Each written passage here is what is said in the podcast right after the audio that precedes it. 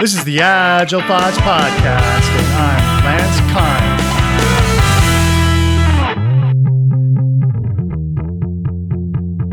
I'm Joel BC. Uh, I'm known as the Gorilla Coach because I got a reputation for talking about difficult topics that people don't want to talk about. I am a certified Scrum trainer, certified team coach. I've been doing this now for 15 odd years. I'm a recovering project manager, and so I moved from being being a project manager and a total agile denier and, and hater to being somebody who teaches and, and breathes it every single day of his life. You said I am a total, uh, and I thought, oh my god, he's going to say something else, and then he said agile denier. So you threw me off there, Joel. no, no, no, no, I, will leave the three letter words to, to, to, to other other um, um, agile podcasters. This is the first episode of a series with Joel Bancroft Connors about profit streams.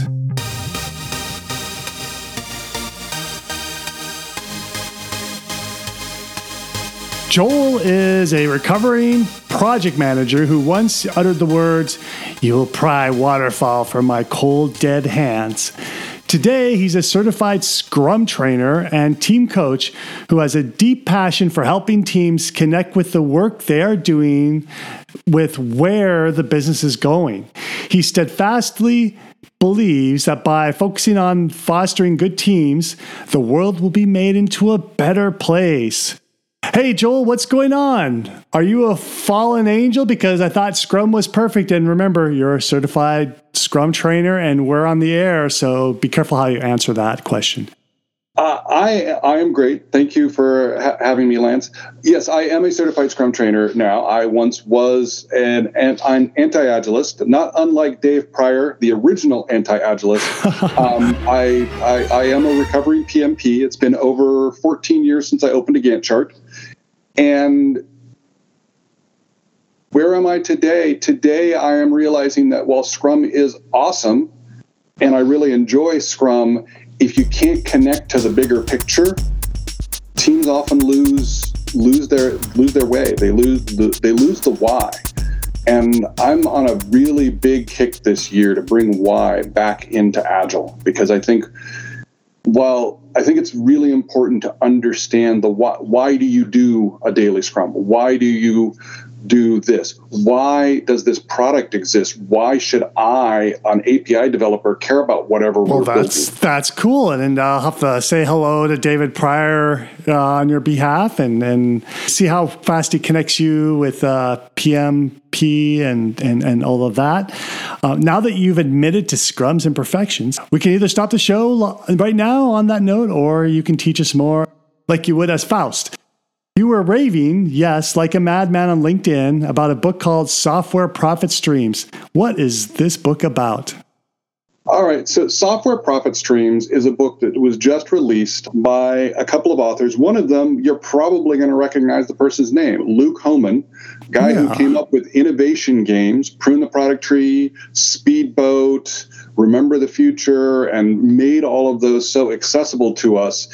He and Jason got together to put together something around the concept of profit. And the reason for that is, and the connection is what was so powerful for me. When we, we, we, we looked at the Agile Manifesto, Principle 8, sustainable, sustainable um, processes, and they took that and they went, okay, great. We want sustainability. Companies want sustainability. The environment wants sustainability. People want sustainability. Let's look at companies and for a company to be sustainable, what do they need to be? And the hands down thing that matters is doesn't matter if you are a um, what kind of company you are, profit, not for profit. Even if you're a government, if you're not profitable, you're not sustainable. That makes sense. And so the entire concept around the book was the how do we create sustainability through a lens of focus on profit. So that's one of the reasons I really like profit streams. And I mean, for me, uh, as somebody who was a product manager in the 90s, not very good at it, picking up and reading this book as they wrote it. I had the the the honor and privilege of being on the review team for for the book as it grew over all of last year it really helped me to start to connect into parts of helping product owners and such. I mean, if you think about it, it's like, well, is this book for you? For for you, it's like, um, do you need to fund innovation? Do you need to quantify your the value in your value streams? Are your customers not renewing your subscriptions? Are you facing competition? These are all things that the book tackles head on in a really great, really easy to read format. It's more in the style of Alex Osterwalder's business model canvas or Jurgen Appelo's management 3.0 of just really being very easy to approach, highly visual, and I just again I I probably am raving way too much about it. As a Scrum trainer, though, the book really hit and resonated for me because it filled in a missing piece for me that I think a lot of teams are that a lot of challenges with at the team level exist and that's that engagement part.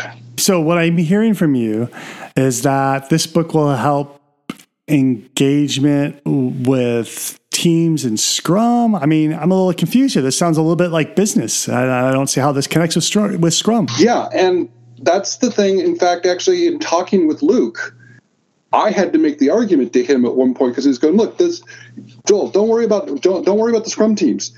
That that's not not our focus anymore. We're we're, we're focused on the product managers. We're focused on the business, and I yes, Luke's right. We need to help businesses to become more profitable because if a company's not profitable, they're not sustainable. The teams are going to get laid off anyway. So right. yes, we need to focus on that profit. And if the teams can't make meet commitments, the best licensing model, the best profit model in the world will do you no good if your teams can't actually put it into place. So I knew that there was a connection and I started looking for it. And where I went was back to looking at how I teach classes, teach my certified Scrum Master classes, and I start with why. Mm-hmm. And I literally start with why. I, I show Simon Sinek's book, Start with Why, and I talk about his his TED talk and how customers don't buy what you do, they buy why you do it. Hmm. And I actually talk to my students about why should you even care about Scrum. So I started to go, okay, great. What is it that makes teams capable of being teams? And for that, I went. Um, my go-to book, my go-to resource for that has always been Dan Pink's Drive. Hmm. I mean, Drive's got three overriding principles. If you take money off the table, what do teams care about? Autonomy, mastery, purpose. Okay. And I mean, few people have argued with with with Dan Pink's book about that. I mean, you you watch that 10 minute RSA video where he does the the animation and the whole thing about the when you paid people more to do repetitive tasks, performance improved. But when you went to knowledge workers, and you paid them more, performance went down because you were lacking that autonomy, mastery, and purpose. And I started thinking about that and going, okay, great. Scrum helps a lot, but it doesn't do everything because Scrum really helps with autonomy, self managed teams. Mm-hmm. Let's give the team a problem and let the team figure out how to solve that problem. That is autonomy. Mm-hmm. We're not going in, they're not working in a fast food restaurant and it's like, here's the exact way to make a, make a hamburger. There's no other way. It's no, you are really, you are software engineers, you are hardware specialists, you are biotech engineers. Here is a problem, you solve it. That is autonomy. Mm. Scrum also promotes mastery. I mean, especially when you start to really get these self managed teams where they start to get the work transparent and visible, people can learn because they're working side by side with somebody else. That UX person can learn more about the database stuff because they pair with the database person. They even get better, they get better at their UX, they get better at other skills. So there's mastery is built into the whole Scrum framework. So we've got two of the three legs of of Dan Pink's drive right there autonomy and mastery. But purpose was always kind of something I felt was lacking. in, in Scrum. Talking about profit streams and profit streams, I assume, are sort of like value streams. Well, yeah. So if we get to profit streams, I want to connect one one more piece there okay. of the. For a long time, Scrum really wasn't talking connecting to that to that purpose. That it's you had the sprint goal and that was it. Hmm. Now, big credit to to Ken Schwaber and Jeff Sutherland in, tw- in the 2020 Scrum Guide. They added in the product goal. But even with a product goal, it wasn't quite enough because it's the product goal was still like a it's a, a midterm, long-term milestone that you're trying to, to work towards. But what's the bigger picture? And then we have product visions, and it's like, well, product visions just they're not there either. And so a lot of organizations, a lot of people have been reaching for things like value streams, pulling on lean manufacturing, pulling on those concepts of value streams. And okay, great, we've got value streams. But I'm sure you've seen organizations where, oh, yeah, we've got these value streams and everything, and they still don't know how to actually quantify that value. And that's mm, where yeah. mm-hmm. keep going. I think we got to to um, I mean, profit streams is essentially an essential growth forward of value streams. It's taking value streams to the next level. It's taking it to how do we actually quantify? How do we know that what we're doing not only is it valuable, it's profitable.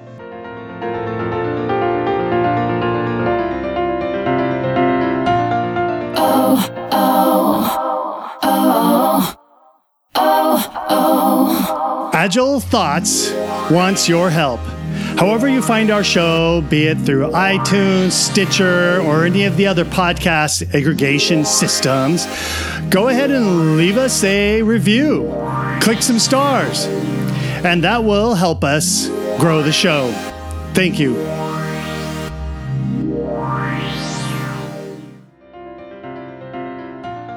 Check out the show notes. We have goodies in there, such as links to the book Software Profit Streams, and we have links back to Applied Frameworks, where Joel works. What are our show notes? Show notes show up right in your podcast player app. So they zoom right in there and you can just tap those links simply. If you downloaded this from a website, go back to the website where you pulled this MP3 and you will see in that webpage the show notes there. Next episode, more Joel Bancroft Connors. I think value stream exercises are great, but I think the challenge is imagine if you're starting with a you're you're starting with a trigger and the trigger isn't something that's actually related to the, the end customer and to creating profit, then you can create an entire value stream and it's like, yeah, we're building stuff. Have you ever done the basic math of does the cost to implement this cost less than what we're going to sell it for? Bigger question is does the cost we want to sell it for is that greater than the cost for the customer to acquire or to use?